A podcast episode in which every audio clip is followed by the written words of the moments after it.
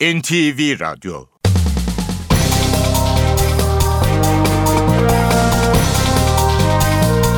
İşe Giderken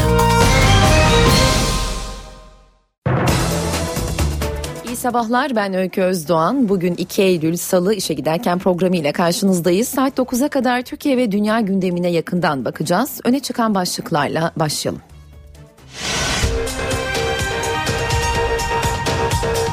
Yeni hükümetle çözüm sürecinde yeni bir dönem başlıyor. Doğrudan Başbakan Davutoğlu'na bağlı olacak süreçte koordinasyonu Başbakan Yardımcısı Bülent Arınç yönetecek, Başbakan Yardımcısı Yalçın Akdoğan ve İçişleri Bakanı Efkan Ala da görev alacak. 62. hükümet programı okundu. Buna göre yeni yasa çalışmaları ve çözüm süreci yeni hükümetin öncelikli başlıkları arasında. Başbakan Davutoğlu paralel yapıyla hesaplaşma sürecek mesajı da verdi. Ana muhalefet lideri Kılıçdaroğlu yeni Cumhurbaşkanı ve Başbakanla yeni dönemde nasıl çalışacağını anlattı. Star TV ana haber bülteninde Nazlı Çelik'in sorularını yanıtlayan CHP lideri Kılıçdaroğlu, Davutoğlu birisinin talimatı altında dedi. Cumhurbaşkanı Erdoğan'la görüşmelerini sınırlı tutacaklarını söyledi. Paralel yapı iddialarıyla ilgili değerlendirme yapan Anayasa Mahkemesi Başkanı Haşim Kılıç, bilgi belge olmadan insanlar fişlenmemeli dedi. Kendisine de imzasız fişleme listelerinin geldiğini anlattı. Emniyetteki paralel yapı iddiasıyla yapılan 3. dalga operasyonunda 14 rütbeli 33 kişi gözaltına alındı, sorgulama sürüyor. Şüpheliler casusluk, resmi belgede sahtecilik, gizliliğin ihlali ve hükümeti ortadan kaldırmaya teşebbüsle suçlanıyor. 25 Aralık soruşturmasında takipsizlik kararı verildi ve dosya kapandı. Takipsizlik kararında soruşturmayı hazırlayanların hükümeti ortadan kaldırmaya teşebbüs ettikleri belirtiliyor. Eski ve yeni yıldız futbolcular dünya barışı için Vatikan'da buluşup sahaya çıktı. Efsanevi futbolcu Maradona'nın da Emre Belezoğlu'nun da yer aldığı etkinlikte konuşan Papa futbolculardan ayrımcılığa karşı durmalarını istedi. İşe Giderken gazetelerin gündemi. İşe giderken haberlere gazetelerin birinci sayfalarından haberler aktaracağımız basın turuyla devam ediyoruz. Hürriyetle başlayalım turumuza. Manşetine dosya kapandı başlıklı haberi taşıyor Hürriyet. Savcılık 25 Aralık'ta başlayan rüşvet Sabah gazetesi havuzu, Türkiye Vakfı ve El Kadı soruşturmasında 96 kişi için takipsizlik verdi. Üçüncü dalga 25 Aralık'ı vurdu deniyor haberin ayrıntısında ve hemen altında ise Yargıtay Başkanı Ali Alkan'ın fotoğrafı göze çarpıyor. Başınızı dik tutun diyor başlık. Yargıtay Başkanı meslektaşlarına hiçbir makama, unvana ve göreve tamah ve tenezzül etmeyiniz. Başınızı dik tutun diye seslendi. Yolsuzlukları örtmeyeceğiz başlığı ise Başbakan Davutoğlu'nun fotoğrafıyla yer almış. Davutoğlu hükümet programını meclise sundu. Yolsuzlukla mücadelede güçlü bir irade göstermeye devam edeceğiz. Hiçbir yolsuzluğun üzerini örtmeyeceğiz dedi. İstihbaratı güçlü olanlar dinliyor başlıklı haberse. Tayyip Erdoğan'ın fotoğrafıyla yer buluyor Hürriyet'in birinci sayfasında. Erdoğan Kıbrıs'a yeni alınan TC Tur uçağıyla gitti. Cuma günü İstanbul'a inen uçak kırmızı ve beyaz renklere boyandı. İlk yurt dışı gezisini Kıbrıs'a yapan Cumhurbaşkanı Erdoğan dinlemelerle ilgili soruları yanıtladı deniyor haberin ayrıntısında. Milliyet gazetesinin manşetinde ise çözümün takımı başlığı göze çarpıyor. Başbakan Davutoğlu çözüm sürecini bizzat yürütecek. Güçlendirilmiş sekreteriyada Arınç, Akdoğan, Ala ve bazı bakanlar da yer alacak. Atina sözünü tutsun başlığı gözümüze çarpıyor hemen altında. Cumhurbaşkanı Erdoğan Kuzey Kıbrıs Türk Cumhuriyeti Cumhurbaşkanı Eroğlu ile buluştu. İlk yurt dışı gezisini Kıbrıs'a yapan Cumhurbaşkanı Erdoğan Kıbrıs sorunu konusunda sabrın ve tahammülün bir nihayeti vardır diyerek Yunanistan, Avrupa Birliği ve Birleşmiş Milletleri eleştirdi. HSYK seçimine karışılmamalı başlıklı haberin ayrıntısı ise şöyle. Cumhurbaşkanının yanı sıra hükümetten de kimsenin katılmadığı adli yıl açılış töreninde konuşan Yargıtay Başkanı Ali Alkan, sürekli kuvvetler ayrılığı ve yargı bağımsızlığından bahsedilmesine rağmen standartların yakalanamadığını söyledi. Alkan HSYK seçimlerine de müdahale edilmemesini istedi. Zaman gazetesi var sırada. Yargıya baskı endişe verici başlığı Yargıtay Başkanı Ali Alkan'ın fotoğrafıyla yer bulmuş manşette adli yıl açılışında siyasete hukuk çağrısı deniyor. Yargıtay Başkanı hükümetin yargıya müdahale girişimlerine sert çıktı. Adli yıl açılış töreninde konuşan Alkan özellikle 17-25 Aralık yolsuzluk soruşturmasının ardından yargının bağımsızlığı ve tarafsızlığını hedef alan uygulamalar konusunda uyarılarda bulundu.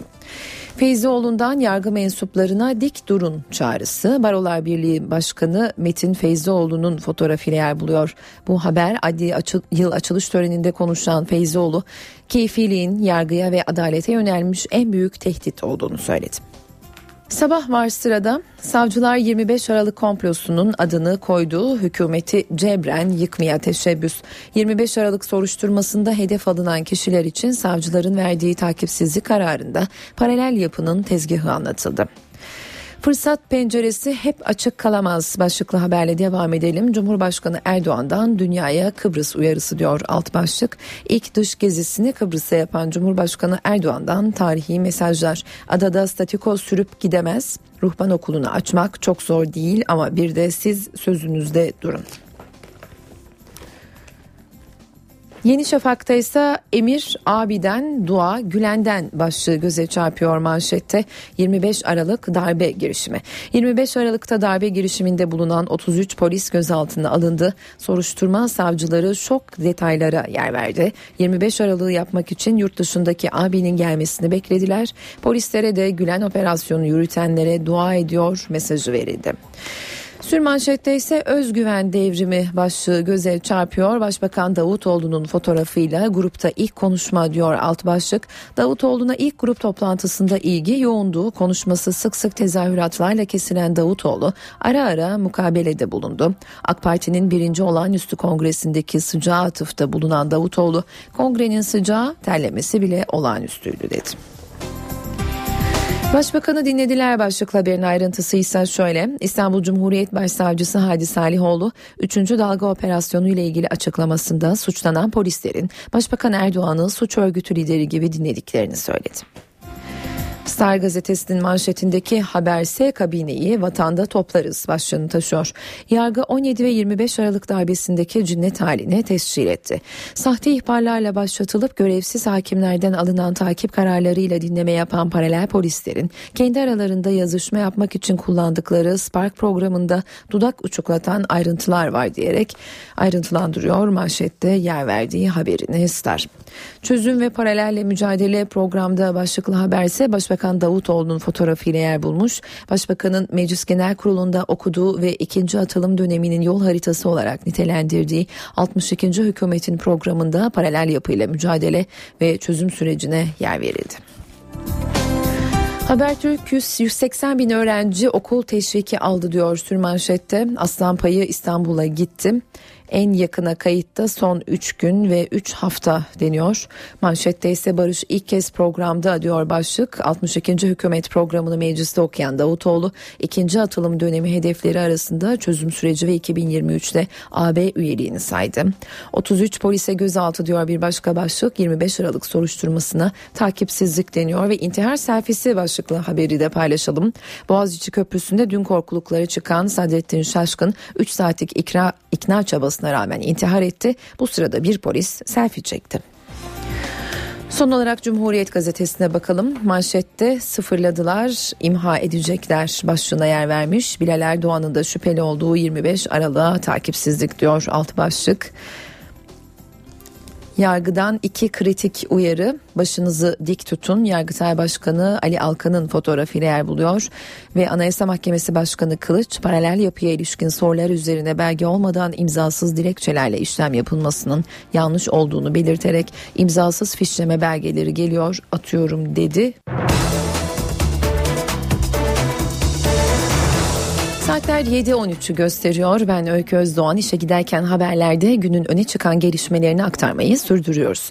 Yeni hükümetle çözüm sürecinde yeni bir dönem başlıyor. 62. hükümetin dün yaptığı ilk Bakanlar Kurulu toplantısında çözüm sürecinde yeni görev dağılımı netleşti. Süreç doğrudan Başbakan Ahmet Davutoğlu'na bağlı olacak. Koordinasyonu Başbakan Yardımcısı Bülent Arınç yürütecek. Başbakan Yardımcısı Yalçın Akdoğan ve İçişleri Bakanı Efkan Ala da süreçte görev alacak. 62. hükümet İlk Bakanlar Kurulu toplantısını yaptı. İlk toplantının gündemi başbakan yardımcıları arasındaki görev dağılımıydı. Daha önce Diyanet İşleri Başkanlığı bir başbakan yardımcımızın uhdesinde bulunuyordu. Bu kez Sayın Başbakanımız bu kurumu bizzat temsil etmek istediler. Yeni dağılımda en dikkat çekici başlık çözüm süreci oldu. Daha önce Başbakan Yardımcısı Beşir Atalay'ın koordinasyonunda yürüyen süreç için yeni bir yapı kuruldu. Bunu bir başbakan yardımcısının uhdesine vermek Sayın Başbakanımız tarafından uygun görülmedi. Doğrudan yetkili ve sorumlu olan kişinin Sayın Başbakan olduğunu söylemeliyim. Bir sekreterya vardır. Bu daha da güçlendirilecektir. Bu sekreterya içerisinde bazı bakan arkadaşlarımız yer alacaktır. Bunlar bendeniz, Sayın Yalçın Akdoğan, Sayın İçişleri Bakanı koordinasyonu bana verilmiştir. Arınç yeniden yapılandırılacak terörle mücadele üst kurulunun sadece PKK ile değil IŞİD dahil yeni tehditlerle ve çözüm süreciyle de ilgileneceğini söyledi. O kuruldan Bülent Arınç sorumlu olacak. HDP ile görüşme sürecini Yalçın Akdoğan'ın yürüteceği belirtiliyor. İmralı ile görüşme izinleri konusunda yetkili yine Adalet Bakanı olacak. Kamu Güvenliği Müsteşarlığı ise İçişleri Bakanlığı'na bağlandı. Daha önce Bülent Arınç'a bağlı olan Basın Yayın Enformasyon Genel Müdürlüğü, TRT, Anadolu Ajansı ve Rütük Yalçın Akdoğan'ın görev alanına verildi. Akdoğan ayrıca meclisle ilişkiler ve kamu diplomasisinden de sorumlu olacak.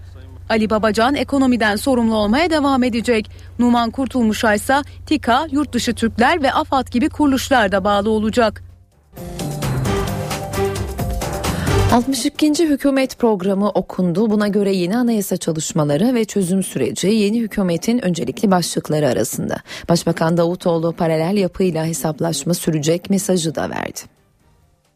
Eski Türkiye'nin vesayetçi anlayışını ve uygulamalarını değişik kılıklar altında yeniden canlandırmaya çalışanlar karşılarında milleti ve temsilcilerini bulacaklardır. Başbakan Ahmet Davutoğlu hükümetinin hedeflerini açıkladı. 62. hükümetin programı mecliste okundu. Davutoğlu yeni Türkiye vurgusu yaptı. Yeni anayasa ve çözüm süreci için kararlılık mesajı verdi. Toplum mühendisliğe dayanan bu anayasanın yerine yeni bir anayasa yapılması gerektiğine inanıyoruz. Bu vaadi gerçekleştirmeyi ana hedeflerimizden birisi olarak görmekteyiz. Kardeşlik projesine dört elle sarılmaya devam edeceğiz. Davutoğlu paralel yapı demedi ama yeni vesayetlere izin verilmeyecek sözleriyle mücadele sürecek vurgusu yaptı. Yargı ve güvenlik bürokrasisini, bürokrasisini yanı sıra sivil toplumun çeşitli kesimlerini tesiri altına almaya çalışan bu yeni vesayet odağı karşısında bizi bulmaya devam edecektir. Bu yeni vesayetçi yapıya veya başka hatlarla ileride çıkabilecek yapılarla hesaplaşmayı sürdüreceğiz. Programın önemli başlıklarından biri de ekonomiydi. 2023 yılında dünyanın en büyük 10 ekonomisi arasına girmeyi hedefliyoruz. AK Parti hükümeti olarak özel sektörümüzü teşvik edecek ve müteşebbislerimizin önünü açacak politikaları uygulamaya devam edeceğiz. Hükümet programı öncesinde kabineye dışarıdan katılan iki bakan yemin etti. Başbakan yardımcısı Numan Kurtulmuş'un yemini sırasında CHP milletvekili Musa Çam, Kurtulmuş'un AK Parti'ye katılmadan önce yaptığı bir açıklamanın yazılı olduğu pankart kaldırdı. AK Partili milletvekilleri dövizi CHP'li Çam'ın elinden almaya çalışınca tartışma çıktı. Hükümet programı üzerindeki görüşmeler 4 Eylül'de, güven oylaması ise 6 Eylül'de yapılacak. CHP Genel Başkanı Kemal Kılıçdaroğlu, Başbakan Davutoğlu'nun adli yıl açılış törenine katılmamasına tepki gösterdi. Kılıçdaroğlu Star TV ana haber bülteninde Nazlı Çelik'in sorularını yanıtladı. Davutoğlu birisinin talimatı altında diye konuştu. Kılıçdaroğlu yeni dönemde Erdoğan'la ise sınırlı ilişki kuracaklarını söyledi. Yargı e, siyasetçilerin e, at koşturdukları bir alan değil. Olmaması da gerekir. Bağımsız ve tarafsız olması gerekir yargının. Hükümetin adli yılın açılışında hazır bulunması Cumhurbaşkanının, Başbakanın, Adalet Bakanı'nın olması gerekiyor. Bu başbakanın önce bir kişiliğini ortaya koyması lazım. Erdoğan'dan bağımsız bir kişiliği olduğunu, devleti yönetebilecek güce ve erke sahip olduğunu, akla sahip olduğunu göstermesi lazım. İlk adımda bunu göstermedi. Adli yılın açılış törenine katılmadı. Katılmayarak diyorsunuz. Tabii. Neden katılmadı? Çünkü birisinin hala talimatı altında. CHP Genel Başkanı Kemal Kılıçdaroğlu, Cumhurbaşkanı Erdoğan'la birlikte Başbakan Davutoğlu'nun adli yıl açılış törenine katılmama kararını bu sözlerle değerlendirdi. Kılıçdaroğlu, Cumhurbaşkanı Erdoğan'la bundan sonra zorunlu olmadıkça görüşmeyeceklerini de açıkladı.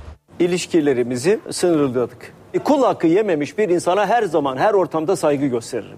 Kılıçdaroğlu CHP kurultayı öncesi Genel Başkan adayı Muharrem İnce ile demokratik bir mücadele vereceklerini söyledi. Ama kurultay sonrası için bir uyarısı vardı. Demokratik mücadele yapacağız. Ee, CHP'nin geleneğinde artık çatışma değil. Ee, CHP'nin geleneğinde e, demokratik e, bir yarış ve o yarış sonunda da başarılı olana e, başarılar dilemek e, olacak. Bu kurultaydan sonra partinin yetkili organların aldığı kararların aleyhine basın toplantısı yapıp açıklamalar yapanlara kimse kusura bakmasın acımayacağım. CHP lideri emniyette paralel yapı iddialarına yönelik soruşturmayı da değerlendirdi. Bugün aslında e, önemli olan e, 25 Aralık yolsuzluk dosyasının e, kapatılmış olmasıdır. Savcıların hırsızları kovaladıkları bir süreçten hırsızların savcıları kovaladığı bir sürecin içine girdik. Anayasa Mahkemesi Başkanı Haşim Kılıç paralel yapı iddialarına ilişkin değerlendirmelerde bulundu. Bilgi belge olmadan insanlar fişlenmemeli dedi. Kendisine de imzasız fişleme listelerinin geldiğini anlattı. Kılıç ayrıca paralel yapı iddialarına ilişkin operasyonlarda tutuklanan polislerin yüksek mahkemeye başvurularına ilişkin de bilgi verdi. Adi yıl açılış resepsiyonuna Anayasa Mahkemesi Başkanı Haşim Kılıç'ın mesajları damgasını vurdu. Kılıç'a paralel yapı iddiaları ve son dönemde üst üste gerçekleşen polislere yönelik operasyonlar soruldu. Paralel yapı kabul edilemez diyen Yüksek Mahkeme Başkanı ancak iftira ve ihbarlarla insanlar fişleniyor. Bu çok yanlış vurgusu yaptı. Hiçbir akıl sahibinin devletin dışında bir yapılanmayı kabul etmesi düşünülemez. Ancak bunun için mutlaka ortaya belgenin ve bilginin konması lazım. Belge ve bilgi olmadan insanlar itham edilerek çok ciddi yanlışlar yapılıyor. Hem kendi kurumum hem diğer kurumlar için söylüyorum. İmzasız bir yığın dilekçe geliyor. Şucu bucu diye. Fişlemeler yapılıyor. Kılıç Anayasa Mahkemesi'ne paralel yapı iddialarına ilişkin imzasız mektuplar geldiğini de söyledi. Bana da fişleme usulü bir liste geldi ve ben o listeyi kaldırdım attım. Bütün kuruma ilişkin bir listeydi. Ne imza var ne bir şey var. Hiçbir şey yok. Kendine göre bir fişleme yapmış. Bu iddialarla hakim ve savcılar huzursuz ediliyor. Hakim ve savcılar arasında çok ciddi kamplaşma, duygusal kopuşlar var. Bu beni çok rahatsız ediyor. Kılıç'ın gündeminde Yargıtay Başkanı Ali Alkan'ın yargıya müdahale edildiği yönündeki açıklamaları da vardı. Anayasa Mahkemesi Başkanı Yargıtay Başkanı'nın konuşmasını beğendiğini söyledi. Söylenmesi gereken her şeyi, rahatsızlık duyulanları, kişilik haklarını hakaret etmeden ifade etti dedi. Haşim Kılıç önümüzdeki günlerde yapılacak Hakimler ve Savcılar Yüksek Kurulu seçimlerini de değerlendirdi. Umarım seçimlerde çoğulcu bir yapı oluşur, aksi takdirde sorun bitmez ifadelerini kullandı. Yüksek Mahkeme Başkanı bir soru üzerine polis müdürlerine yönelik operasyonlarda tutuklananların bireysel başvurularına ilişkinde bilgi verdi. 25 ayrı başvuru olduğunu belirten Kılıç, polislerle ilgili başvuruların önümüzdeki günlerde ele alınacağını söyledi. Emniyetteki paralel yapı iddiasıyla yapılan operasyonda 14 rütbeli 33 kişinin sorgusu sürüyor. Eski Emniyet Müdür Yardımcısı Mahir Çakallı ile eski Mali Şube Müdürü Yakup Saygılı'nın da aralarında olduğu şüpheliler casusluk resmi belgede sahtecilik, gizliliğin ihlali ve hükümeti ortadan kaldırmaya teşebbüsle suçlanıyor. 22 Temmuz ve 5 Ağustos'ta gerçekleştirilen iki operasyonda 43 kişi tutuklanmıştı. 25 Aralık soruşturmasında ise takipsizlik kararı verildi ve dosya kapandı. Takipsizlik kararında soruşturmayı hazırlayanların hükümeti ortadan kaldırmaya teşebbüs ettikleri belirtiliyor. İstanbul Cumhuriyet Savcılığı 25 Aralık soruşturmasını kapattı. Cumhurbaşkanı Recep Tayyip Erdoğan'ın oğlu Bilal Erdoğan ve Yasin El Kadın'ın da aralarında bulunduğu 96 kişi hakkında takipsizlik kararı verildi. Kararda konutlar hakkında teknik ve fiziki takip yapılamayacağı kanunen düzenlenmesine rağmen Başbakanlık resmi konutunun teknik takibi alındı ve Başbakan Erdoğan'ın Kısıklı'daki konutu ile ilgili GSM sel haritası çıkarılarak görüştüğü kişilerle ilgili telefon sinyal eşleştirmesi yapıldığı yer aldı. Soruşturmayı hazırlayanların hükümeti ortadan kaldırma teşebbüsünde bulunduğu ileri sürülen kararda Başbakan Erdoğan ve MİT Müsteşarı Hakan Fidan'ın yapmış olduğu toplantıyı takip için dosya zanlılarından Yasin El Kadı'yı takip ediyor izlenimiyle kamera görüntülerinin temin edildiği tespit edilmiştir denildi. Cumhurbaşkanı Erdoğan'ın üçüncü kişiler üzerinden dinlenerek konuşmalarının tape haline getirildiğini söyleyen İstanbul Cumhuriyet Başsavcılığı, Başbakan hakkındaki soruşturmaların derhal Cumhuriyet Başsavcılığına bildirilerek suç şüphesi varsa özel soruşturma usullerine göre delil toplama yoluna gidilmesi gerekirdi ifadesini kullandı. Bilal Erdoğan hakkında dinleme kararı bulunmadığı halde aylarca dinlendiği de kararda yer aldı. Bu kişiler hakkında soruşturma başlatılması yetkisinin İstanbul Cumhuriyet Başsavcısına ait olduğu vurgulandı. Devletin zirvesi adli yıl açılış töreninde yoktu ama akşam mecliste düzenlenen resepsiyonda tüm taraflar bir araya geldi. Resepsiyona iktidar ve yargı temsilcilerinin karşılıklı olarak yargı bağımsızlığına ilişkin mesajları damgasını vurdu. Adli yıl açılış resepsiyonu hükümet ve yargı mensuplarını bir araya getirdi. Açılış törenine katılmayan Meclis Başkanı Cemil Çiçek, Başbakan Ahmet Davutoğlu ve Adalet Bakanı Bekir Boğsa resepsiyonda hazır bulundu. Genelkurmay Başkanı Orgeneral Necdet Özel de konuklar arasındaydı. Davutoğlu ve Boğsa resepsiyon öncesi yeni adli yıla ilişkin birer mesaj yayınladılar. Yargıtay Başkanı Ali Alkan'ın açılış töreninde yaptığı yargı üzerinde baskı çabası ve seçimlere müdahale girişimleri sözlerini değerlendirdiler. Davutoğlu yargı bağımsızlığı ve tarafsızlığı öncelikle yargı mensuplarının bağımsız ve tarafsız kararlar alabileceği ortamın sağlanmasıyla mümkün olur dedi. Yargı mensuplarının belirli bir siyasi ve ideolojik çıkar amacıyla hareket etmeyeceklerine olan inancımız tamdır diye konuştu. Adalet Bakanı Bozdağ da hukuk devletinde yargı kararlarının eleştirilmez kutsal metinler olmadığını söyledi. Eleştiri şahsileştirilmemeli, bu müdahale anlamına gelmez dedi. Resepsiyonda Ali Alkan'a bu eleştiriler soruldu. Yargıtay Başkanı yargı az konuşmayı sever. Eleştirinin de takdirin de başımızın üstünde yeri var yanıtını verdi. Meclis Başkanı Cemil Çiçek de yargıya güven devlete güvendir. İtibarı en üst noktada olmalı dedi. Çiçek yargı kararlarına bakarak o ülkenin demokrasi anlayışını anlarız ifadesini kullandı.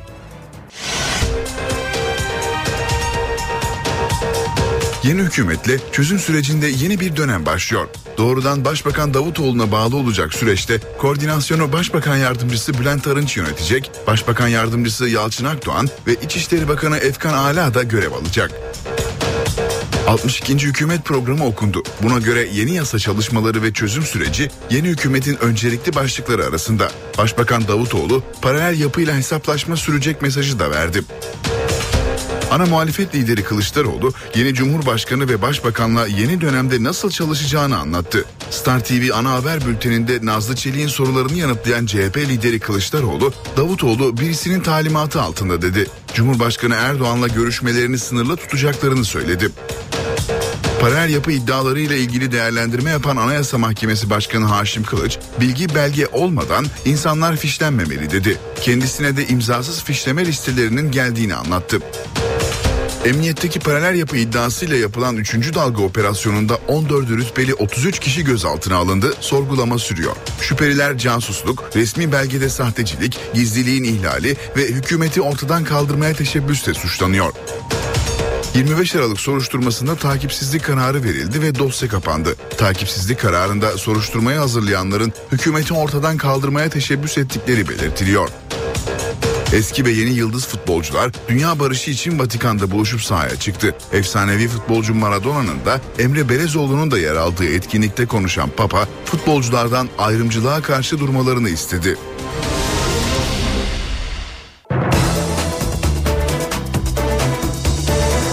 Gelişmeleri aktarmaya devam ediyoruz. Alman basınında yer alan Amerika Birleşik Devletleri Türkiye'yi dinliyor iddiaları Ankara'nın yakın takibinde. Cumhurbaşkanı Erdoğan liderlerle bizzat görüşeceğini söyledi. Ayrıca Amerika'nın Ankara'daki maslahat güzarı Dışişleri Bakanlığı'na çağrıldı. Dünyada istihbaratı güçlü olan ülkelerin farklı ülkeleri dinlememe diye bir şeyi yoktur. Bunu da hepimizin bilmesi lazım. Bunu hepsi yapıyor. Dolayısıyla bu konuda neyi nasıl yaptığı veya neyi nasıl deşifre ettikleri bunlar çok çok önemli. Almanya'nın ardından Amerika Birleşik Devletleri ve İngiltere'nin Türkiye'yi istihbari amaçlı dinlediği iddiası Ankara'yı harekete geçirdi. İlk tepki Cumhurbaşkanı Recep Tayyip Erdoğan'dan geldi.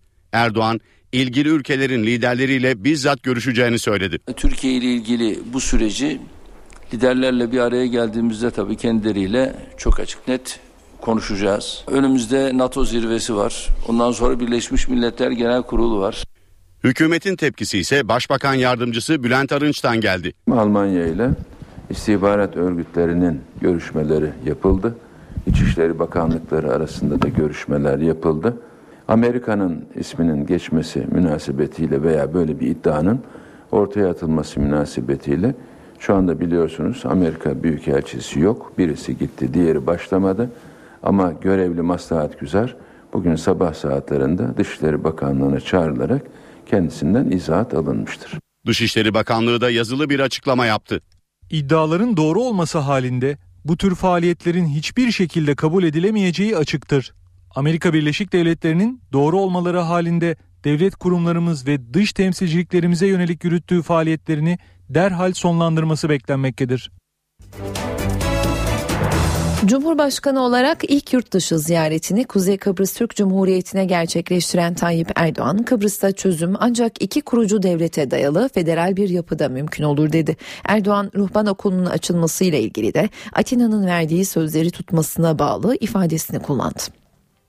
Cumhurbaşkanı Recep Tayyip Erdoğan ilk yurt dışı ziyaretini Kuzey Kıbrıs Türk Cumhuriyeti'ne yaptı.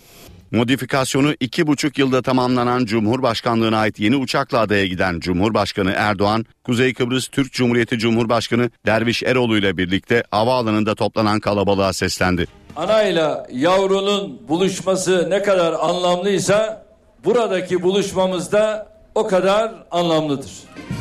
Cumhurbaşkanlığındaki resmi karşılama töreninin ardından görüşen iki lider ortak basın toplantısında iki kurucu devlete dayalı adil bir çözüm çağrısı yaptı. Cumhurbaşkanı Erdoğan Rum yönetimine süreci uzatmayın her sabrın bir sonu var mesajı verdi. İki kesimlilik, siyasi eşitlik, eşit statüyü haiz iki kurucu devleti içeren yeni ortaklık gibi yerleşik Birleşmiş Milletler parametreleri temelinde bir çözümün ortaya çıkması için Kıbrıs Türk tarafının sürdürdüğü çabalara tam destek veriyoruz. Temennimiz 2008'den beri devam eden bu son süreçte bugüne kadar sarf edilen çabaların heba edilmemesi, zamanın boşa harcanmamasıdır. Mevcut fırsat penceresinin sonsuza kadar açık kalamayacağı herkes tarafından artık idrak edilmelidir. Sabrın, tahammülün de artık bir nihayeti vardır. Başbakan Erdoğan bir Rum gazetecinin Heybeliada Ruhban Okulu ile ilgili sorusuna ise bu okulu açmak bizim için mesele değil. Ama Yunanistan'ın da Atina'da cami ve Batı Trakyalı Türklerin talepleri konularında verdiği sözleri tutmasını bekliyoruz yanıtını verdi. Ruhban Okulu'nu açmak öyle çok da zor bir şey değil. Açarız ama e bir de siz sözünüzde durun. Siz sözünüzde durmuyorsunuz. Siz hep ver ağacının altında doğdunuz. Orada büyüyorsunuz. Sizde hiç al yok. Bir de al deyin ya.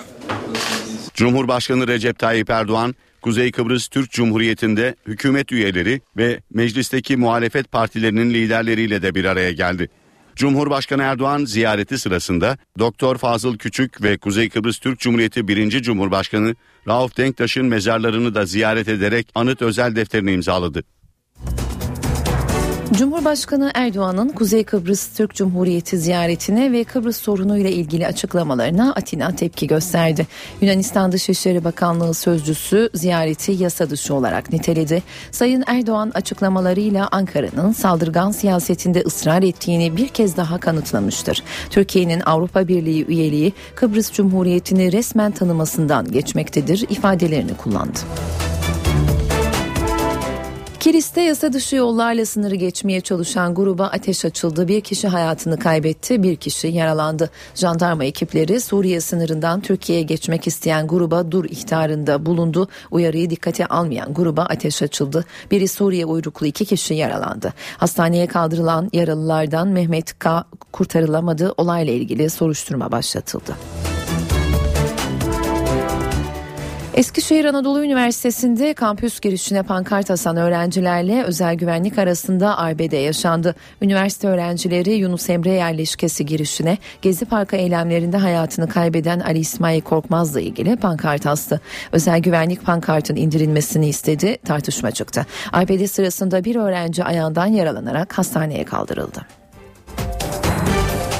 Üniversitelerde kayıt heyecanı başladı. Evlerinden uzakta okuyacak olanlar için en büyük sorun barınma. Lisans yerleştirme sınavının sonuçları açıklandı. Tercihlerini yaptılar. Üniversiteli olabilmek için son adım kayıt yaptırmak. Görüntüler 60 binin üzerinde öğrencisi olan İstanbul Üniversitesi'nden. Öğrenciler kayıt için sırada. Tercihimden memnunum. Ya ilk tercihim zaten o da tuttu İstanbul Üniversitesi. Valla memnunum isteyerek geldim zaten. Şehir dışından gelen öğrenciler için en önemli sorun barınma. Aileler ve öğrenciler üniversite çevresine kurulan standlardan yurtlar hakkında bilgi alıyor. İlk ev bulmak çok zor. Bir arkadaş edindikten sonra bakacağım. Yurtta, ilk sene yurtta daha sonra eve çıkmayı düşünüyorum. İstanbul'da cep yakan kiralar öğrencilerin en önemli şikayeti. Bursa'ya göre pahalı olacak. İstanbul pahalı bir yer. Ev kiralarından belli. En kötü ev bile 1 milyar kira. Bursa'nın en güzel yerinde 1 milyar kiraya en güzel evler var. Üniversite kayıtları 5 Eylül'e kadar devam edecek. YÖK'ün bu yıl ilk defa 32 üniversitede E-Devlet üzerinden almaya başladığı kayıtlar da 2 Eylül'de son bulacak. Milli Eğitim Bakanlığı özel okullara yeni kayıt yaptıracak öğrencilerden devlet desteği almaya hak kazananların listesini yayımladı. Sonuçlara bakanlığın internet adresinden ulaşılabiliyor. Okul öncesi eğitim kurumuna gidecek 50 bin öğrenciye 2500 lira, ilkokula gidecek 50 bin öğrenciye 3000 lira, ortaokul ve liseye giden 75 biner öğrenciye de 3500 lira maddi yardım yapılacak. Bundan yararlanmak için 4361 okul 180 bin öğrenci başvuruda bulundu. Yani 250 bin kontenjanın 70 bini boş kaldı. Destek almaya hak kazanan öğrenciler 5-9 Eylül tarihleri arasında tercih yapacak. Özel okullara yerleşen öğrenciler 10 Eylül'de açıklanacak.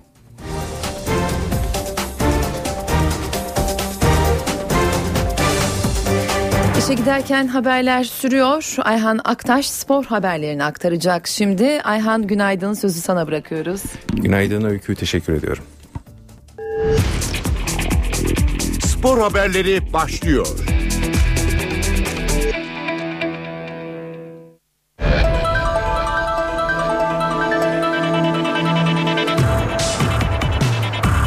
Fenerbahçe transfer dönemini sadece Diego'yu kadrosuna katarak tamamladı. Teknik direktör İsmail Kartal'ın son anda istediği transferin ise Mevlüt Erdinç olduğu ortaya çıktı.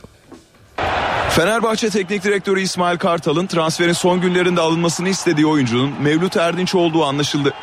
Kartal Karabükspor'la oynanan maçtan sonra yaptığı açıklamada yönetimden bir transfer istediğini ancak Başkan Aziz Yıldırım'ın bu transferi veto ettiğini belirtmişti. Bir tane oyuncu transfer istedim başkanımdan. Denedik, zorladık. Dün gece olmayacağını bana söyledi. Transfer yapmayacağız. Başkan Yıldırım Diego transferinden sonra başka transfer yapılmayacağını belirtmiş ve transferi kapattıklarını açıklamıştı. Ersun Yanal'ın gidişinin ardından göreve gelen İsmail Kartal ise yönetimden yerli forvet takviyesi istemiş ve Mevlüt Erdinç ismini önermişti. Ancak bu talep Aziz Yıldırım tarafından kabul görmedi. Böylece Fenerbahçe transfer sezonunu Diego ile kapatmış oldu. Galatasaray, Zemaili, Pandev ve Tarık Çamdalı transfer döneminin son gününde renklerine bağladı. Sarı Kırmızılılar Tarık'la 5, Zemali ile 3, Pandev'le 1 artı 1 yıllık sözleşme imzaladı. Galatasaray Teknik Direktörü Prandelli'nin beklediği transferler gerçekleşti. Sarı Kırmızılı kulüp transferin son gününde Eskişehir Spor'dan Tarık Çamdal'la Napoli'den Goran Pandev ve Blerim Cemaili'yi renklerine bağladı. Galatasaray geçen sezonun devre arasından bu yana transfer listesinde bulunan Tarık Çamdal'la 5 yıllık sözleşme imzaladı. Sarı Kırmızılılar Eskişehir Spor'la önce 4,5 milyon euro artı Umut Gündoğan karşılığında anlaştı. Ancak Umut'un Kırmızı Siyahlılarla yıllık ücret konusunda uzlaşma sağlamaması ve imza atmaması üzerine Galatasaray Eskişehir Spor'la 4 milyon 750 bin euro bonservis bedeli karşılığında el sıkıştı. Tarık ise 5 yıllık sözleşme karşılığı Sarı Kırmızılı kulüpten 6 milyon 955 bin euro alacak. Teknik direktör Prandelli'nin isteği üzerine forvet hattına transfer edilen Goran Pandev'le bir yılı opsiyonlu 2 yıllık sözleşme imzalandı. Napoli'den bedelsiz alınan Makedon futbolcuya ilk yıl için 2 milyon 400 bin euro ödeneceği kamuyu aydınlatma platformuna bildirildi. Ayrıca Pandev 27 resmi maçta en az 30 dakika oynarsa sözleşmesi otomatik olarak bir yıl daha uzayacak. Bu durumda golcü futbolcuya 2 milyon 100 bin euro daha ödenecek. Orta sahaya takviye için kadroya dahil edilen Blerim Cemaili Galatasaray'a 3 yıllık imza attı. İsviçreli futbolcu toplam 6 milyon 600 bin euro alacak. Galatasaray 28 yaşındaki Cemaili için Napoli'ye 2 milyon 350 bin euro bonservis ücreti ödeyecek. Öte yandan Galatasaray altyapıdan yetişen Berk İsmail Ünsal'ı bedelsiz olarak Antalya Spor'a kiralık verdi. Beşiktaş uzun uğraşlardan sonra Jose Sosa'yı kadrosuna kattı. Arjantinli futbolcuyla 1 artı 3 yıllık sözleşme imzalandı. Sosa ilk açıklamasında Beşiktaş'ın sunduğu projeye inandığı için İstanbul'a geldiğini söyledi. Jose Ernesto Sosa resmen Beşiktaş'ta. Siyah beyazlı kulüp Arjantinli futbolcuyla 3 yılı opsiyonlu 4 yıllık sözleşme imzaladı. Beşiktaş'ın kamuyu aydınlatma platformuna gönderdiği yazıda Sosa'nın ilk aşamada Metalist Karkiv'den kiralandığı ortaya çıktı. Buna göre siyah beyazlar Ukrayna kulübüne 1 milyon 400 bin euro kiralama bedeli ödeyecek. Beşiktaş 15 Ekim'e kadar 2 milyon euro daha öderse oyuncunun satın alma opsiyonunu da kullanarak bonservisini alacak. Sosa'ya ilk sezon için 1,5 milyon euro garanti para ödeyecek olan Beşiktaş, sözleşmeyi 3 yıl daha uzatırsa her sezon için 50'şer bin euro zam yapacak. İstanbul'a gelerek sağlık kontrolünden geçen Sosa daha sonra Ümraniye'ye giderek tesisleri gezdi ve tek başına ilk antrenmanını gerçekleştirdi. Arjantinli futbolcu kulüp televizyonuna yaptığı ilk açıklamada transfer sürecine açıklık getirdi. Sosa, her futbolcu büyük bir kulüpte oynamak ister. Ben de Beşiktaş'ın bu büyük kulüpler içerisinde olduğunu biliyorum. Beşiktaş önüme çok güzel bir proje sundu ve benimle gerçekten ilgilendiğini gösterdi. Her futbolcu, her insan ilgiden hoşlanır. Ben de gösterilen ilgiden çok mutlu oldum ve tercih yapmamda bu etkili oldu dedi. Beşiktaş'ın Şampiyonlar Ligi playoff turunda Arsenal'e eğlenmesine de değinen Sosa, Beşiktaş'ın ve taraftarının üzgün olduğunu biliyorum. Çünkü haksız yere gruplara kalamadığını gördüm. Beşiktaş hak etmişti aslında. Ama şu anda bundan sonrasına bakacağız. Biliyorum ki oyuncularla tek tek ilgilenen, kolay iletişim kurabilen bir teknik direktörümüz var. Ben de takıma katılarak yeni arkadaşlarıma neler yapabileceğimi göstermek istiyorum diye konuştu. Transferin son gününde Trabzonspor 3 oyuncuyla anlaştı. Bordo Mavililer Ganalı forvet Mayet Varis, Malili golcü Mustafa Yatabare ve Yunan stoper Avram Papadopoulos'u kadrosuna kattı. Sezona Kayseri Erciyesspor beraberliğiyle başlayan Trabzonspor kadrosunu Spartak Moskova'dan Majit Varis, Gengam'dan Mustafa Yatabare ve Olympiakos'tan Avram Papadopoulos'la güçlendirdi. Varis sağlık kontrolünden geçtikten sonra Trabzonspor'la 4 yıllık sözleşme imzaladı. Bordo Mavililer 22 yaşındaki Ganalı forvet için Spartak Moskova'ya 6 milyon euro bonservis bedeli ödeyeceğini açıkladı. Varis ise yıllık 950 bin euro garanti para ve maç başı 10 bin euro alacak. Trabzonspor'un bir diğer forvet transferi Fransa'nın Gengam takımından Malili Mustafa Yatabare oldu. Bordo Mavililer 28 yaşındaki futbolcuyla yıllık 1 milyon eurodan 3 yıllık sözleşme imzaladı. Maç başı da 7500 euro alacak Yatabare için Gengam'a bonservis bedeli olarak 2,5 milyon euro ödenecek. Bordo Mavililer Olympiakos'la sözleşmesi sona eren Avram Papadopoulos'u bonservis bedeli ödemeden kadrosuna kattı. 29 yaşındaki futbolcuyla 1 milyon 200 bin euro garanti para ve maç başı 5 bin euro karşılığında bir yıllık sözleşme imzalandı. Son transferlerle yabancı sayısı 9'a çıkan Trabzonspor, Arjantinli Gustavo Kolman'la yollarını ayırdı. Trabzonspor Kolman'ın sözleşmesini 700 bin euro karşılığında feshettiğini borsaya bildirdi. Öte yandan Bordo Mavili Kulüp Kadir Keleş'i de Akisar Belediyespor'a kiraladı. Bir de ekleme yapalım. Trabzonspor 2. Lig ekibi Altın Ordu'dan transfer ettiği Gökhan Karadeniz'i 100 bin euro karşılığında Antalya Spor'a kiraladı. Ve basketbol. İspanya'da devam eden Dünya Kupası'nda Amili erkek basketbol takımı gruptaki 3. maçında bugün Ukrayna ile karşılaşacak. Bugün saat 16'da başlayacak mücadele NTV Radyo'dan naklen yayınlanacak. Ay Yıldızlılar Dünya Kupası'ndaki 3. randevusunda Ukrayna ile karşılaşacak. C grubundaki mücadelesine Yeni Zelanda galibiyetiyle başlayan 12 dev adam ardından turnuvanın favorilerinden Amerika Birleşik Devletleri'ne 98-77 mağlup oldu. Ancak milliler ilk 3 çeyrekte gösterdiği performansla rakiplerine gözdağı verdi. Ay Yıldızlıların Dünya Kupası'ndaki en skorer ismi kenardan gelen Oğuz Savaş. Yeni Zelanda galibiyetinde büyük rol oynayan Oğuz turnuvayı 12,5 sayı ortalamasıyla devam ettiriyor. C grubunda verilen bir günlük aranın ardından A milliler Ukrayna ile karşılaşacak. Tarihinde ilk kez Dünya Kupası'nda mücadele etme heyecanını yaşayan Ukrayna, İspanya macerasına Dominik Cumhuriyeti galibiyetiyle başlamasına rağmen aynı başarıyı Finlandiya karşısında gösteremeyince sağdan yenik ayrıldı. Slovenya'nın ev sahipliğindeki 2013 Avrupa Basketbol Şampiyonası'nı 6. sırada bitirerek Dünya Kupası vizesini alan Ukrayna'nın antrenörlüğünü Birleşik Amerikalı Mike Fratello yapıyor. Fratello'nun dümene geçmesiyle basketbolda büyük bir aşama kaydeden Ukrayna'da FIBA sıralamasında 43. sırada yer alıyor. Geç bir kadro ile İspanya'nın yolunu tutan Fratello'nun kadrosunda 30 yaşın üstünde oyuncu bulunmuyor. Takımın en skorer ismi devşirme kontenjanından forma giyen Pooh Jeter. 20 sayı ortalamasıyla oynayan Jeter iki karşılaşmada da takımının en skorer ismi olmayı başardı. Ukrayna'nın önemli skorerlerinden Sergi Gladier ise 12 dev adama karşı oynayamayacak. Finlandiya maçında sakatlanan Gladier büyük olasılıkla turnuvayı da kapattı. Ukrayna ile Avrupa şampiyonalarında 7 kez mücadele eden Türkiye 5 galibiyet elde etti. Son galibiyetini 2008'de elde eden milliler 2003 yılından beri oynadığı 3 maçı da kaybetmedi. Spor haberlerimizi tamamlıyoruz. İyi günler diliyoruz. NTV Radyo Saatler 8'i gösteriyor. Ben Öykü Özdoğan. İşe giderken haberler devam ediyor. Yeni hükümetin programı, çözüm sürecinde yeni aşama, Cumhurbaşkanı'nın Kuzey Kıbrıs'a verdiği mesajlar. Günün gündemindeki bir diğer başlıksa İstanbul'da dünya evine girmeye koşarken can veren damat var.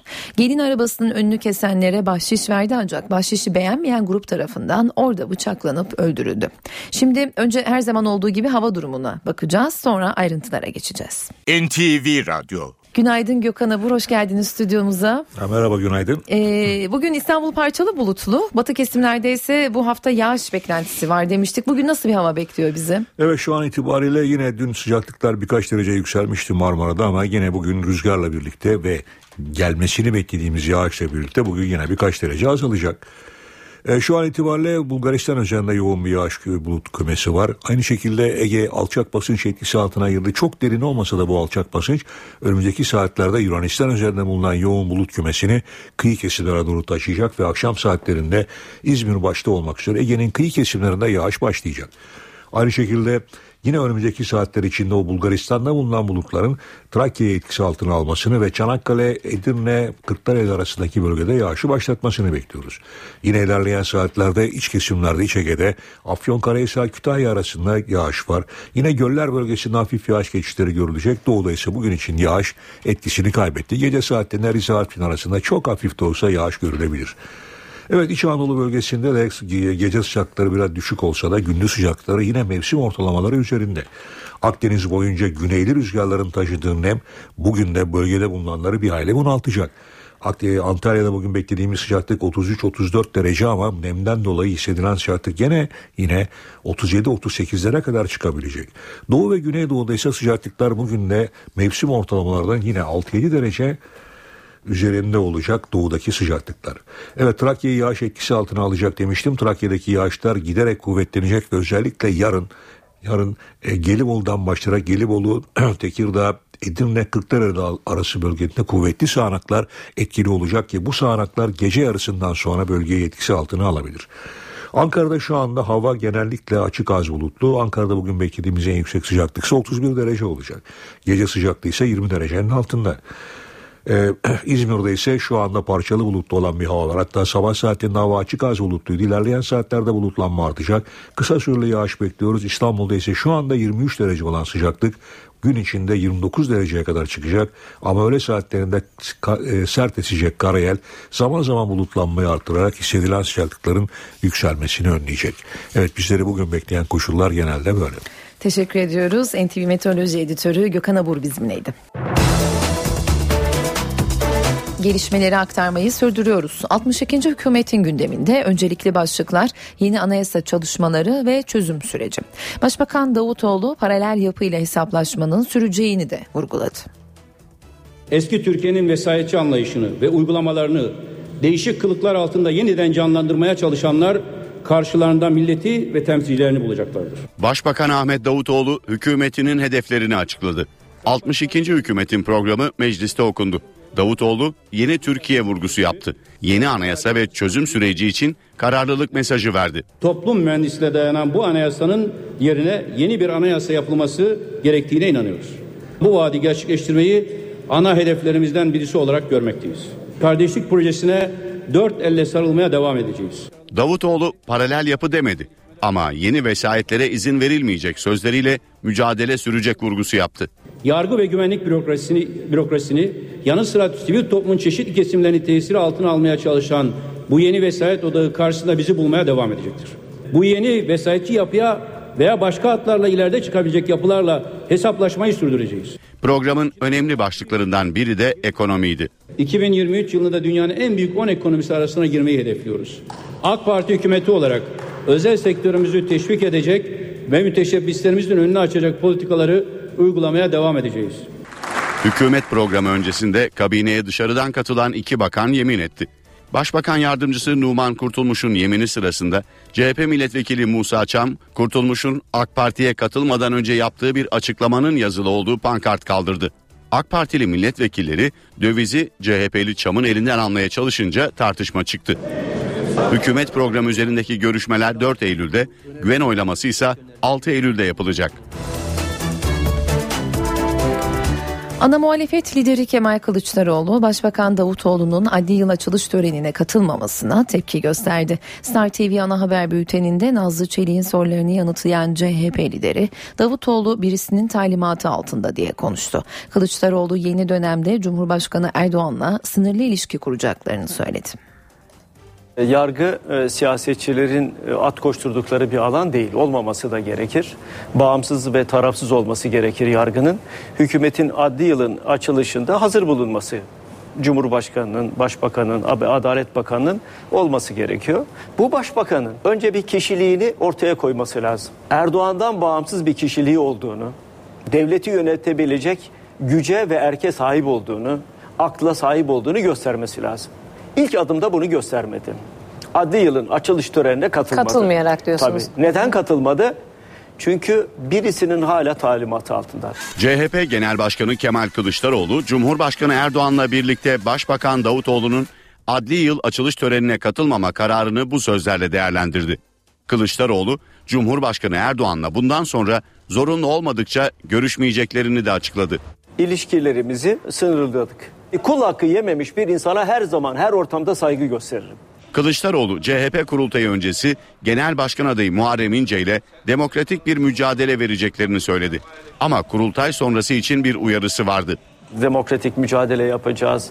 Ee, CHP'nin geleneğinde artık çatışma değil, e, CHP'nin geleneğinde e, demokratik e, bir yarış ve o yarış sonunda da başarılı olana e, başarılar dilemek e, olacak. Bu kurultaydan sonra partinin yetkili organların aldığı kararların aleyhine basın toplantısı yapıp açıklamalar yapanlara kimse kusura bakmasın acımayacağım. CHP lideri emniyette paralel yapı iddialarına yönelik soruşturmayı da değerlendirdi. Bugün aslında e, önemli olan e, 25 Aralık yolsuzluk dosyasının e, kapatılmış olmasıdır. Savcıların hırsızları kovaladıkları bir süreçten hırsızların savcıları kovaladığı bir sürecin içine girdik. Başbakan Davutoğlu genel başkan ve başbakan olarak da AK Parti meclis grubuna ilk kez seslendi. Hedefinde CHP Genel Başkanı Kemal Kılıçdaroğlu ve partinin grup başkan vekili Engin Altay vardı. Onlara edebi ahlakı sabırla öğreteceğiz dedi. Savaş hariç yeni Sayın Cumhurbaşkanımızla görüşmeyeceğini söyledi. Tıpış tıpış konuşacaksın demem ama göreceksiniz öyle veya böyle konuşacak. Çünkü Türkiye Cumhuriyeti Devleti'nin Cumhurbaşkanıyla kimse küs olma hakkına ve hadsizliğine sahip olamaz. AK Parti Genel Başkanı ve Başbakan olarak ilk kez grup kürsüsüne çıktı. Selefi Recep Tayyip Erdoğan gibi CHP Genel Başkanı Kemal Kılıçdaroğlu'nu hedef aldı. Konuşsa ne yazar, konuşmasa ne yazar. Bu ana muhalefet partisine devlet ahlakını, devlet makamını öğreteceğiz. Cumhurbaşkanı Erdoğan'ın yemin töreninde iç tüzük kitapçığının Meclis Başkanı Cemil Çiçek'e doğru atan CHP Grup Başkan Vekili Engin Altay da Davutoğlu'nun hedefindeydi. Ben onu gördüğüm anda bir kitap aşığı olarak vay nasipsiz dedim. İkna odaları yerine okuma odaları kursalardı bu arkadaşlar kitaptan biraz nasibini alırlardı. CHP'de disiplin kurulu gibi bir şey varsa bu arkadaşı 24 saat aralıksız bir sahafta kalma mecburiyeti getirsinler. Başbakan Davutoğlu teşkilata uyarılarını da tek tek sıraladı. İç tartışmalara girmeyin dedi. Bu topluluk içine hiçbir şekilde kulis, lobi, fitne, fraksiyon sokmayacağız.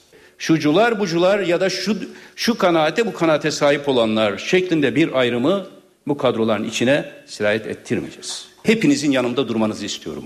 Ola ki sizce herhangi bir şekilde yanlış gördüğünüz bu husus olursa gelip konuşmanız gereken bendenizim.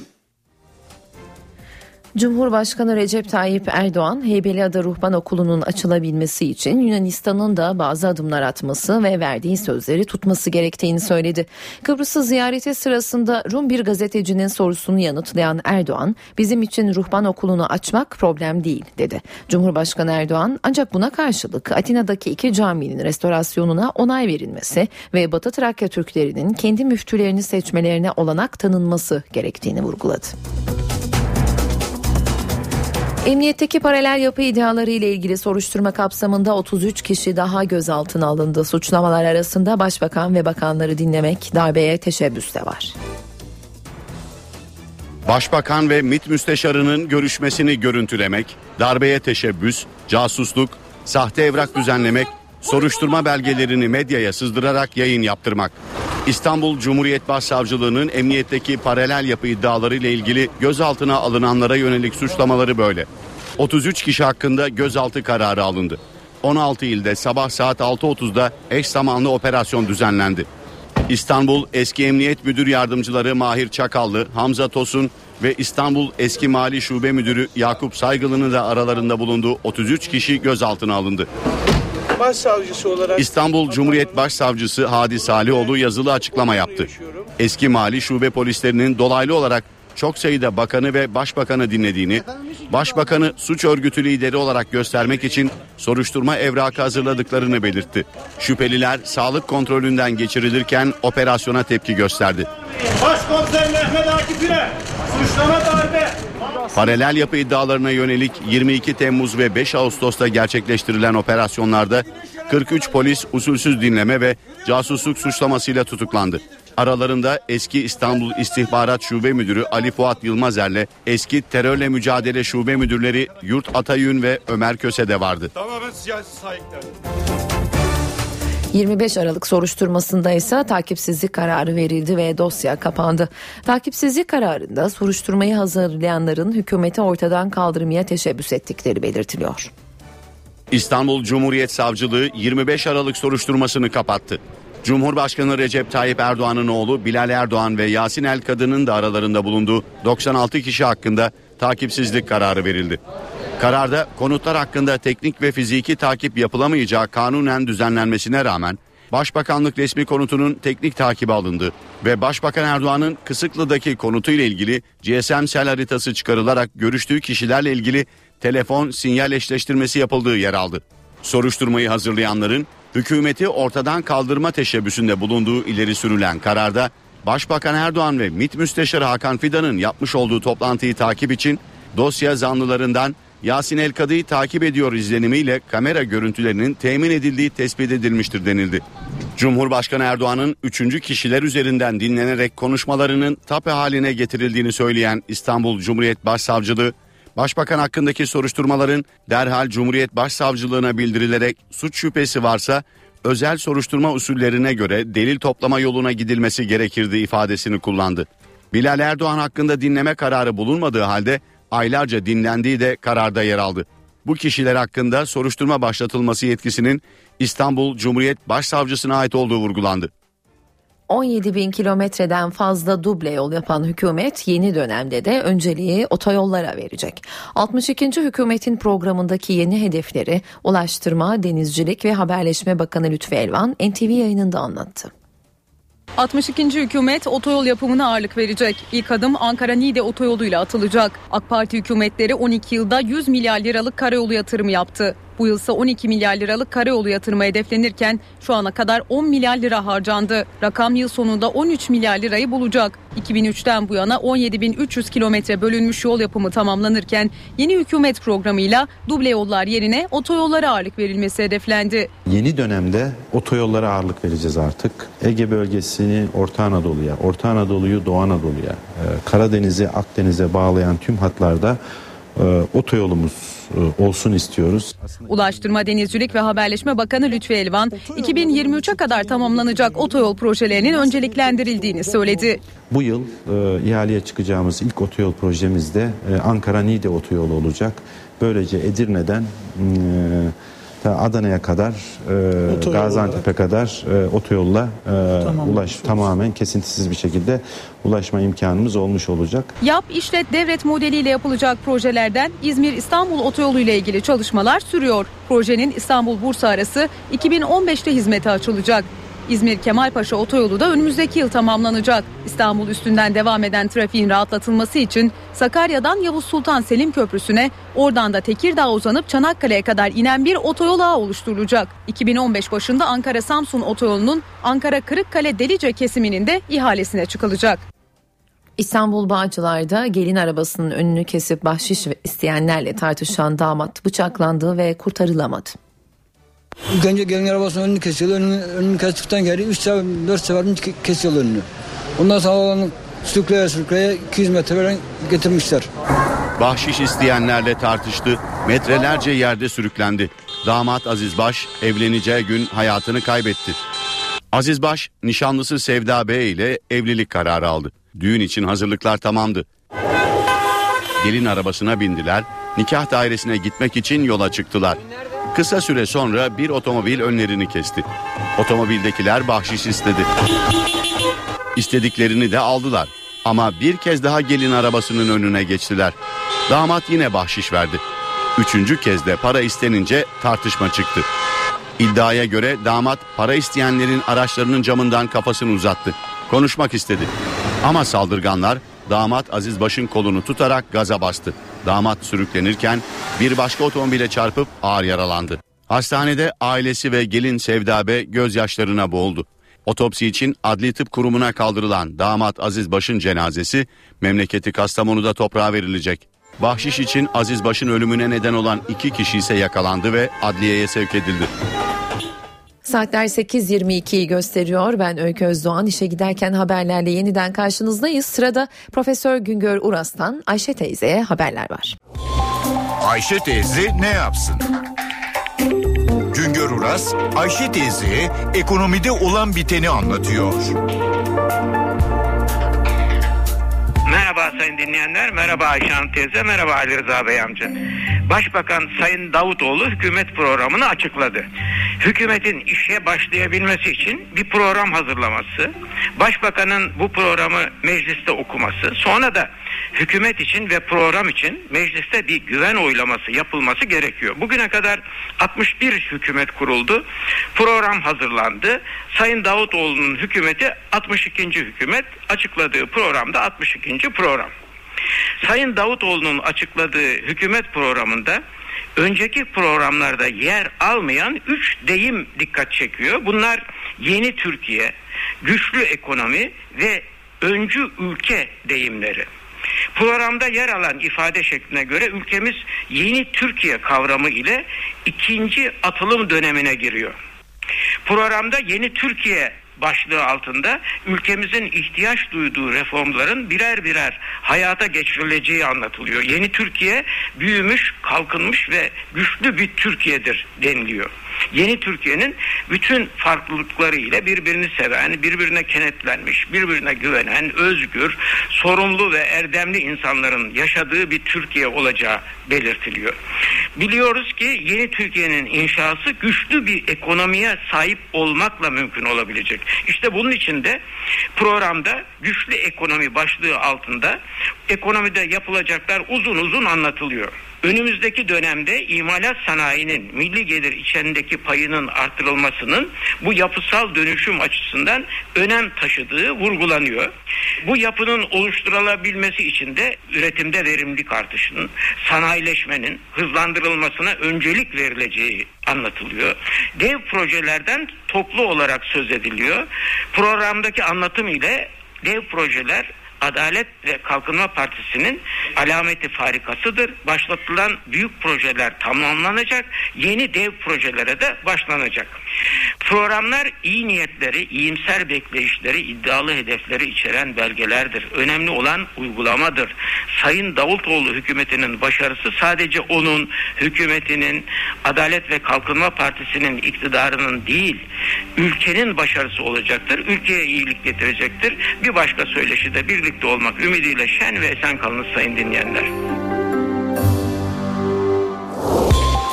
Güngör Uras'a sormak istediklerinizi ntvradio.ntv.com.tr adresine yazabilirsiniz.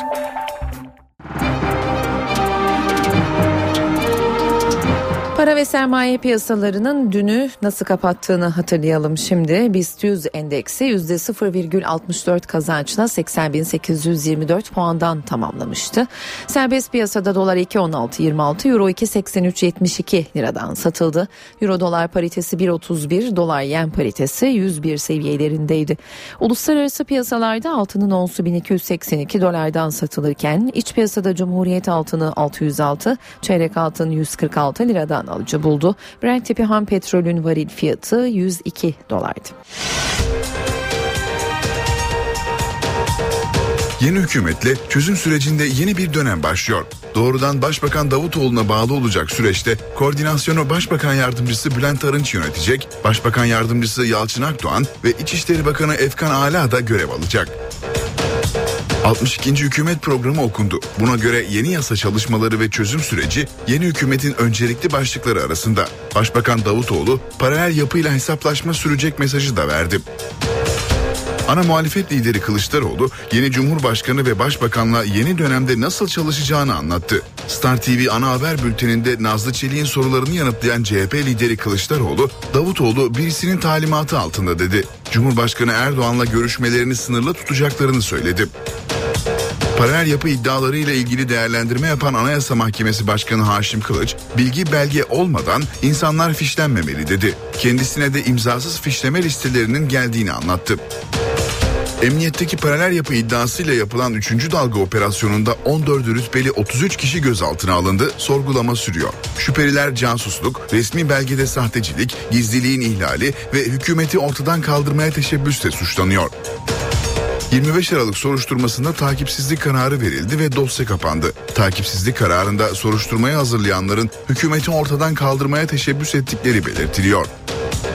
Eski ve yeni yıldız futbolcular dünya barışı için Vatikan'da buluşup sahaya çıktı. Efsanevi futbolcu Maradona'nın da Emre Belezoğlu'nun da yer aldığı etkinlikte konuşan Papa futbolculardan ayrımcılığa karşı durmalarını istedi.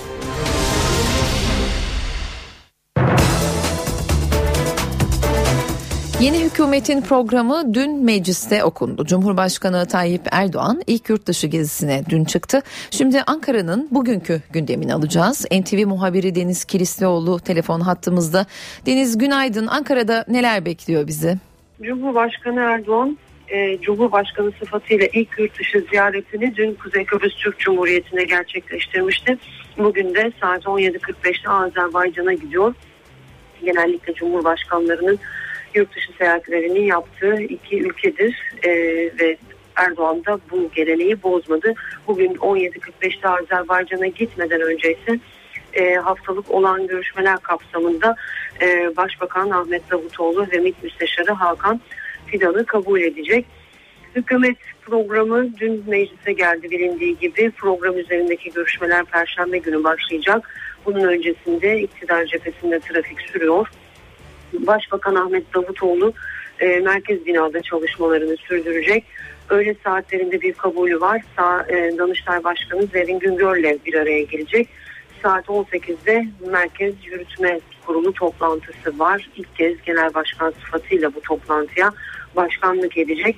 Başbakan yardımcıları Yalçın Akdoğan ve Numan Kurtulmuş'la Avrupa Birliği Bakanı Volkan Bozkır ve Gümrük Bakanı Nurettin Canikli de yeni görevleriyle ilk toplantıya katılıyor olacaklar. Muhalefet cephesinde artık olağanüstü seçimli kurultaya geri sayım var. E, Kemal Kılıçdaroğlu'nun şimdilik tek rakibi eski grup başkan vekili Muharrem İnce. Ama ana muhalefette delege kimden yana olacak? Kurultayda ne tür mesajlar verilecek? Bu soruların yanıtları aranıyor. Ankara'nın gündeminde başlık olarak duruyor bu konu. Meclisin gündemiyle bitirelim. Hükümet programı için dün toplanmıştı Meclis Genel Kurulu. Perşembe gününe kadar da kapalı olacak. Görüşmeler zira Perşembe günü ama basın toplantılarıyla mesai devam edecek mecliste. CHP'li İhsan Kalkalan ve MHP'li Lütfü Türkkan gündemdeki başlıkları meclisteki basın toplantılarında değerlendirecek. Teşekkürler Deniz. NTV muhabiri Deniz Kilislioğlu telefon hattımızdaydı. Saat 8.38 ben Öykü Özdoğan işe giderken haberlerle yeniden karşınızdayız. Cumhurbaşkanı olarak ilk yurt dışı ziyaretini Kuzey Kıbrıs Türk Cumhuriyeti'ne gerçekleştiren Tayyip Erdoğan, Kıbrıs'ta çözüm ancak iki kurucu devlete dayalı federal bir yapıda mümkün olur dedi. Erdoğan, ruhban okulunun açılmasıyla ilgili de Atina'nın verdiği sözleri tutmasına bağlı ifadesini kullandı. Cumhurbaşkanı Recep Tayyip Erdoğan ilk yurt dışı ziyaretini Kuzey Kıbrıs Türk Cumhuriyeti'ne yaptı. Modifikasyonu iki buçuk yılda tamamlanan Cumhurbaşkanlığına ait yeni uçakla adaya giden Cumhurbaşkanı Erdoğan, Kuzey Kıbrıs Türk Cumhuriyeti Cumhurbaşkanı Derviş Eroğlu ile birlikte havaalanında toplanan kalabalığa seslendi. Anayla yavrunun buluşması ne kadar anlamlıysa buradaki buluşmamız da o kadar anlamlıdır. Cumhurbaşkanlığındaki resmi karşılama töreninin ardından görüşen iki lider ortak basın toplantısında iki kurucu devlete dayalı adil bir çözüm çağrısı yaptı. Cumhurbaşkanı Erdoğan Rum yönetimine süreci uzatmayın her sabrın bir sonu var mesajı verdi. İki kesimlilik, siyasi eşitlik, eşit statüyü haiz iki kurucu devleti içeren yeni ortaklık gibi yerleşik Birleşmiş Milletler parametreleri temelinde bir çözümün ortaya çıkması için Kıbrıs Türk tarafının sürdürdüğü çabalara tam destek veriyoruz. Temennimiz 2008'den beri devam eden bu son süreçte bugüne kadar sarf edilen çabaların heba edilmemesi, zamanın boşa harcanmamasıdır. Mevcut fırsat penceresinin sonsuza kadar açık kalamayacağı herkes tarafından artık idrak edilmelidir. Sabrın, tahammülün de artık bir nihayeti vardır. Başbakan Erdoğan bir Rum gazetecinin Heybeliada Ruhban Okulu ile ilgili sorusuna ise bu okulu açmak bizim için mesele değil. Ama Yunanistan'ın da Atina'da cami ve Batı Trakyalı Türklerin talepleri konularında verdiği sözleri tutmasını bekliyoruz yanıtını verdi. Ruhban okulunu açmak öyle çok da zor bir şey değil. Açarız ama e, bir de siz sözünüzde durun. Siz sözünüzde durmuyorsunuz. Siz hep ver ağacının altında doğdunuz. Orada büyüyorsunuz. Sizde hiç al yok. Bir de al deyin ya. Cumhurbaşkanı Recep Tayyip Erdoğan Kuzey Kıbrıs Türk Cumhuriyeti'nde hükümet üyeleri ve meclisteki muhalefet partilerinin liderleriyle de bir araya geldi. Cumhurbaşkanı Erdoğan ziyareti sırasında Doktor Fazıl Küçük ve Kuzey Kıbrıs Türk Cumhuriyeti 1. Cumhurbaşkanı Rauf Denktaş'ın mezarlarını da ziyaret ederek anıt özel defterini imzaladı.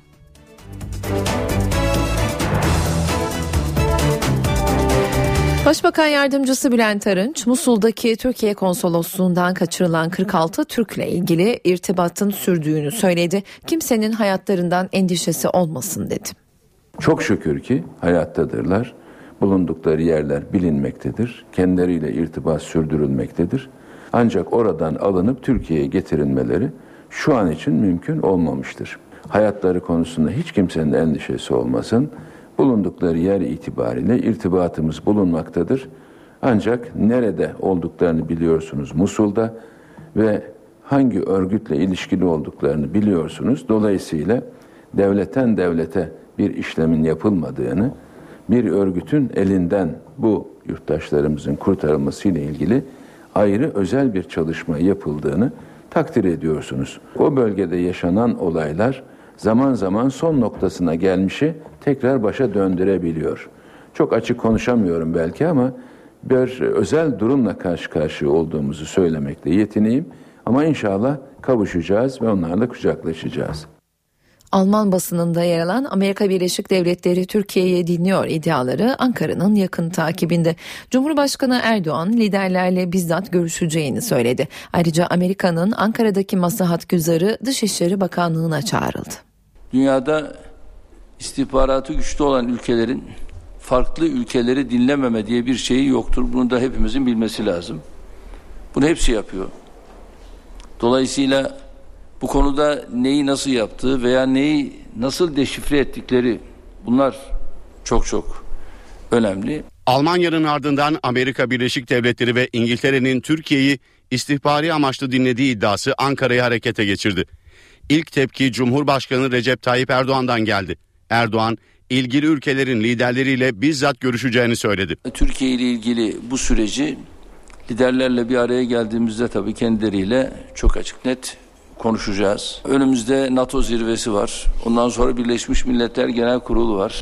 Hükümetin tepkisi ise Başbakan Yardımcısı Bülent Arınç'tan geldi. Almanya ile istihbarat örgütlerinin görüşmeleri yapıldı. İçişleri Bakanlıkları arasında da görüşmeler yapıldı. Amerika'nın isminin geçmesi münasebetiyle veya böyle bir iddianın ortaya atılması münasebetiyle şu anda biliyorsunuz Amerika Büyükelçisi yok. Birisi gitti, diğeri başlamadı. Ama görevli Maslahat Güzer bugün sabah saatlerinde Dışişleri Bakanlığı'na çağrılarak kendisinden izahat alınmıştır. Dışişleri Bakanlığı da yazılı bir açıklama yaptı. İddiaların doğru olması halinde bu tür faaliyetlerin hiçbir şekilde kabul edilemeyeceği açıktır. Amerika Birleşik Devletleri'nin doğru olmaları halinde devlet kurumlarımız ve dış temsilciliklerimize yönelik yürüttüğü faaliyetlerini derhal sonlandırması beklenmektedir. İsrail yine tartışma yaratan bir karara imza atarak Batı Şeria'da Filistinlilere ait topraklara el koydu. Bunun son 30 yılın en büyük istimlak kararı olduğu belirtiliyor. İsrail bölgede gerilimi tırmandıracak yeni bir adım attı. İşgal altındaki Batı Şeria'da Filistinlilere ait 400 hektarlık toprağa devlet adına el konulduğu açıklandı. İstimlak edilen arazi Beytüllahim'in güneyinde bulunuyor. Bunun İsrail'in son 30 yılda gerçekleştirdiği en büyük istimlak olduğu belirtiliyor. Bu kararla istimlak edilen toprağın yakınında bulunan bir Yahudi yerleşim biriminin genişletilmesinin önü açılmış oluyor. İsrail radyosu Filistinlilerin toprağına el koyma kararının geçen Haziran'da 3 İsrail gencin kaçırılıp öldürülmesine misilleme olduğunu duyurdu. Karara tepkiler gecikmedi. Yerleşim birimlerini genişletme ve Filistinlilerin topraklarına el koyma kararı çok olumsuz bir gelişme. Müzakerelerin başlamasına ve barış sürecini ilerletme çabalarına zarar verecek. Filistin yönetimi el koyma kararını kınarken bunun bölgedeki istikrarsızlığı tırmandıracağı uyarısında bulundu. ABD Dışişleri Bakanlığı yetkilileri de bunun barış girişimlerine zarar vereceğine işaret etti ve karardan vazgeçilmesini istedi. Uluslararası yasalar uyarınca işgal altındaki Batı Şeria'da inşa edilen yerleşim birimleri yasa dışı sayılıyor. Doğu Kudüs ve Batı Şeria'da 200 kadar yerleşim biriminde yarım milyon İsrailli yaşıyor. Dışişleri Bakanlığı İsrail'in yeni yerleşim yeri kurmak için Batı Şeria'daki topraklara el koyma kararını kınadı. Ateşkes ortamını olumsuz etkileyeceğini de vurguladı. Dışişleri Bakanlığı İsrail'in vazgeçmesini beklediğini de kaydetti. NATO zirvesinde bu hafta üye ülkelerin savunma harcamaları masaya yatırılacak. Amerikan Başkanı Barack Obama ve İngiltere Başbakanı David Cameron'ın üyelerden savunma bütçelerini artırmaları istemesi bekleniyor. NATO üyesi ülkeler 4-5 Eylül tarihlerinde Galler'deki zirvede bir araya geliyor. Ukrayna'daki kriz ve Irak zirvenin en önemli gündem maddelerinden. Türkiye'yi Cumhurbaşkanı Recep Tayyip Erdoğan'ın temsil edeceği toplantıların bir başka önemli gündemi de üye ülkelerin savunma bütçe harcamaları. Hatta Beyaz Saray'a göre en önemlisi. Medyaya yansıyan haberlere göre Amerika Birleşik Devletleri Başkanı Barack Obama ve İngiltere Başbakanı David Cameron üye ülkelerden savunma bütçelerini artırmalarını isteyecek. Savunma konusunda bazı ülkelere ağırlığın verilmesinden şikayetçi olan Washington ve Londra'nın talebi ülkelerin bütçelerinden en az yüzde ikisini savunmaya ayırmaları. Ancak bu konuda zirvede ortak bir karara varılması zor görünüyor. Zira gözlemciler bu isteğin üye ülkeler tarafından resesyon gerekçesiyle reddedileceğini belirtiyor.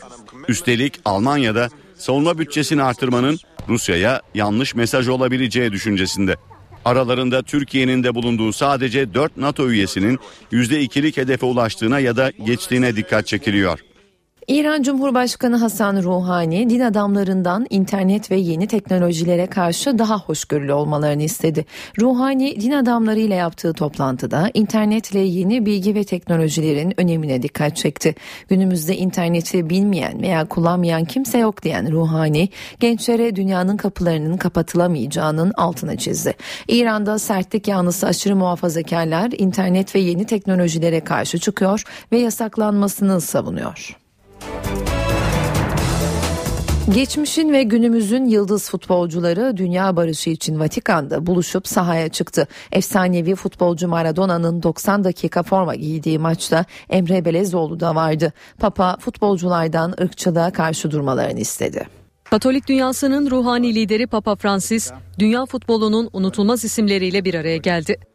Inter kulübünün eski kaptanı ve başkan yardımcısı Javier Zanetti'nin girişimiyle düzenlenen barış için dinler arası maç amacıyla birçok ünlü isim Vatikan'da bir araya geldi. Papa Francis konuşmasında futbolculardan ayrımcılığa karşı durmalarını istedi. Ayrımcılık kibirden, hor görmekten ve aşağılamadan meydana gelir. Bu maçta oynayarak her türlü ayrımcılığa hayır demiş olacaksınız. La discriminazione è un disprezzo. Barış için dinler arası maç adı verilen organizasyonda Türkiye'yi Fenerbahçeli Emre Belözoğlu temsil etti. Ee, güzel bir davet, çok güzel bir organizasyon. Bizim için e, burada olmak büyük bir onur. E, ülkemizi temsilen geliyoruz. E, elimizden geldiğince burada dünyadaki barış adına bir şeyler yapmaya çalışacağız. Maçta Maradona, Maldini, Shevchenko, Roberto Baggio, Ronaldinho gibi geçmişin ve bugünün önemli yıldızları forma giydi. Efsanevi futbolcu Diego Armando Maradona 90 dakika forma giydiği maçta Roberto Baggio'ya yaptığı asistle geceye damga vurdu. Gelirleri Arjantin'deki bir hayır kurumuna bağışlanan maçı lacivert takımı 6-3 yenen beyaz takım kazandı. Afetlere karşı aldığı önlemlerle bilinen Japonya deprem sonrası ortaya çıkabilecek tuvalet kağıdı krizini bile düşünüyor. Japonya'da şimdi yakın zamanda beklenen depremle ilgili tuvalet kağıdı alarmı verildi. Japon hükümetinden olası bir afetle ilgili basın açıklaması. Ancak açıklamanın odağında tuvalet kağıdı var. Sanayi Bakanlığı vatandaşları tuvalet kağıdı stoğu yapmaya çağırdı. Nedeni olası bir deprem. 3 yıl önce deprem ve ardından gelen tsunami'de tuvalet kağıtları kullanılmaz hale geldi. Sonuç olarak da sıkıntı yaşandı. Japonya'da tuvalet kağıdı endüstrisinin neredeyse yarısı deprem riskinin yüksek olduğu Shizuoka'da kurulu. Hal böyle olunca yetkililer vatandaşı önlem almaya çağırıyor. Shizuoka'da 30 yıl içinde deprem bekleniyor. Tuvalet kağıdının %41'i burada üretiliyor. Arz güvenliğini sağlamak için elimizden geleni yapacağız. Japonya'da her yıl Eylül ayının ilk günü afet tatbikatı ve planı yapılıyor. Tokyo'da 1923 yılında meydana gelen depremde ölen 140 bin kişi anılıyor.